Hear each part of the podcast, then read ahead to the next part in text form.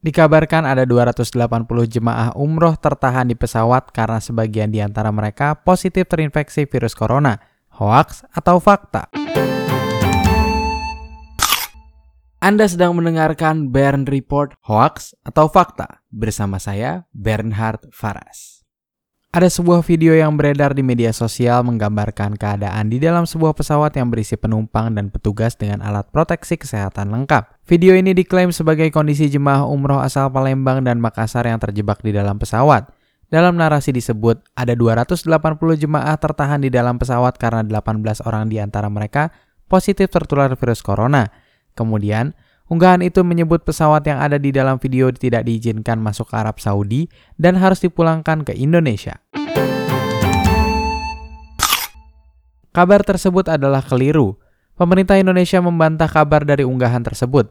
Konsulat Jenderal Republik Indonesia atau yang biasa disebut KJRI Jeddah Arab Saudi, Eko Hartono, menyebut kabar tersebut tidak benar. Ia mengatakan tidak ada jemaah umroh yang tertahan karena dianggap terinfeksi virus corona dan kemudian dipulangkan. Pihak mereka sudah memantau keadaan jemaah umroh asal Indonesia yang berada di Arab Saudi.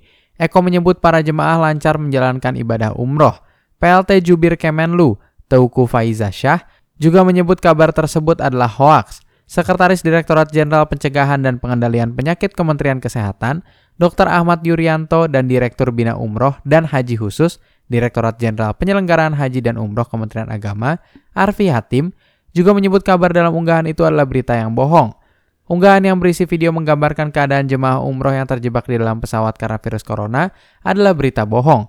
Informasi ini sudah dikonfirmasi oleh beberapa pihak terkait, seperti KJRI di Jeddah, Arab Saudi, Kementerian Luar Negeri, Kementerian Agama, hingga Kementerian Kesehatan. Selain itu, kabar ini juga telah dikonfirmasi oleh sejumlah media seperti Kompas, Turnback Hoax, Merdeka, Detik, dan Liputan 6. Untuk teks dan sumber berita selengkapnya dapat Anda lihat di website www.bernhardfaras.com.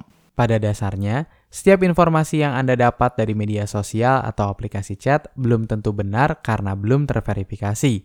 Maka dari itu, dengarkan Bern Report Hoax atau fakta agar terhindar dari berita hoax. Jika Anda memiliki berita yang ingin saya liput, Anda bisa mengirimkannya melalui bernhardfaras.com/kontak.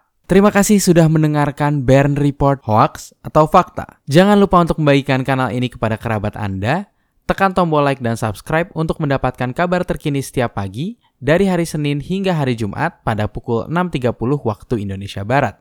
Saya Bernhard Faras pamit undur diri, semangat selalu dalam menjalani hari ini.